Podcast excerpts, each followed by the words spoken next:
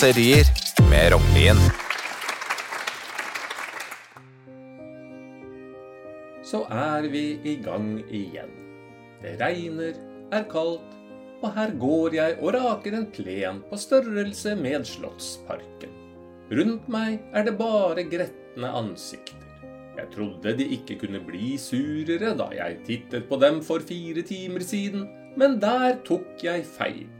Munnvikene henger nå enda dypere, og geipen deres er farget av litt gjørme etter å ha subbet bakken.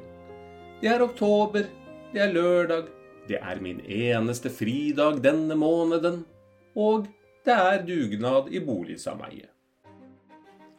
Dugnad er et gammelt ord og ble først brukt i forbindelse med gårdsdugnader helt tilbake på 1600-tallet. Det ble starten på avfolkningen av landsbygda.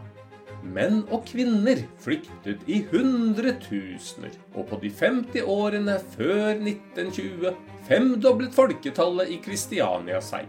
Så desperate var bygdefolket etter å slippe unna all gratisjobbingen.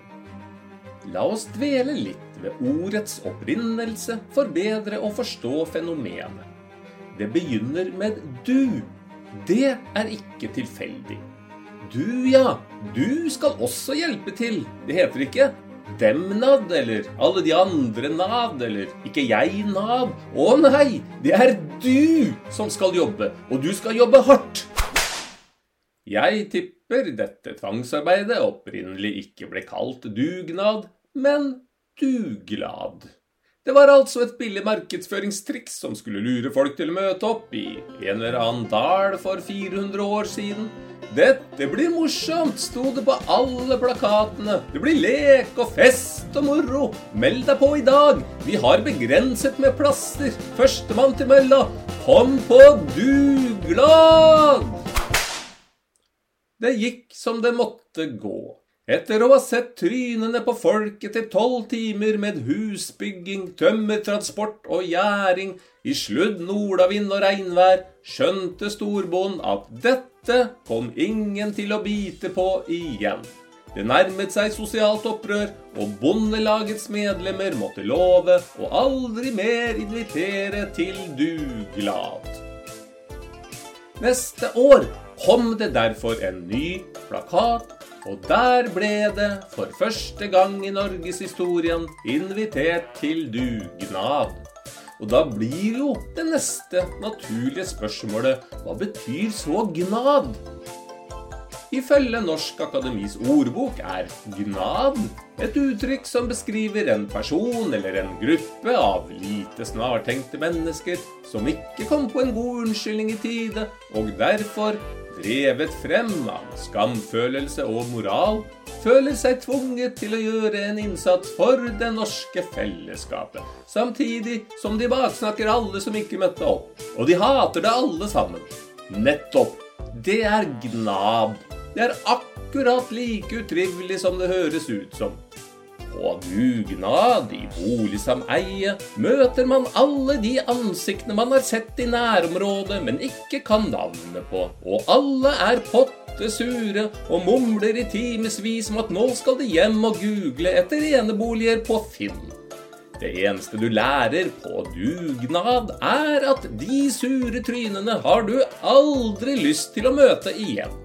Dette forteller du selvsagt ikke til kona når du kommer hjem, for henne har du planer om å lure til å gå neste år. Du forteller i stedet varmt om fellesskap, solidaritet og potensielle nye hjertevenner.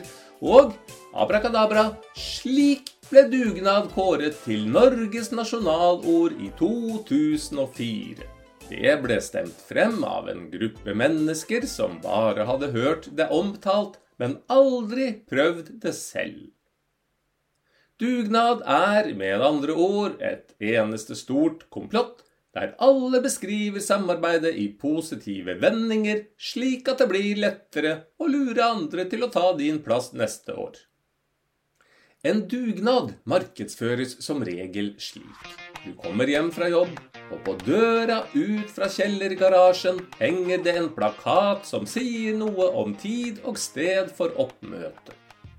På vei inn til leiligheten må du gå gjennom fire nye dører, og den samme posteren henger alle steder, på begge sider av dørene.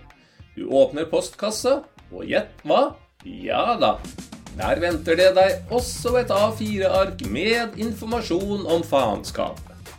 Som regel bryr ikke styret i sameiet seg med å oversette informasjon de sender ut til andre språk, selv om ethvert bofellesskap i dag rommer et mangfold av ulike nasjonaliteter.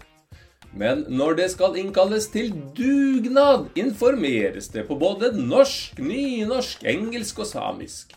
Hvis du er så dum og lister deg ut med søpla etter mørkets frambrudd den siste uka før dugnaden, kan du være trygg på at en representant fra styret hopper fram fra bak søppelkassa og spør om du kommer på dugnaden. Ingen skal gis mulighet til å si at de ikke hadde fått med seg at det var dugnad. Man kan undres over hvordan denne selvpiningen har klart å overleve i århundrer når alle hater det. Det er grunn til å påpeke at da dugnad ble kåret til Norges nasjonalord, var den nærmeste konkurrenten matpakke. Er det virkelig alt vi klarer å komme opp med på de snart 12 000 årene vi har befolka fedrelandet? En dags strittarbeid og en tørr brødskive med svett gulost? At nordmenn har valgt dugnad som det ordet vi er aller mest stolte av, bør politikerne i Demokratene markedsføre på alle verdens språk. Hvis utlendingene får med seg at dette er det beste vi har å by på, kan det hende de tenker seg om både én og to ganger før de søker asyl her til lands. Når de skjønner at den eneste jobben de kan få, er ulønna grisekall og usannsynlig kjedelig, kan det hende de skjønner at det ikke er så ille på Gazastripen eller i Mariupol allikevel.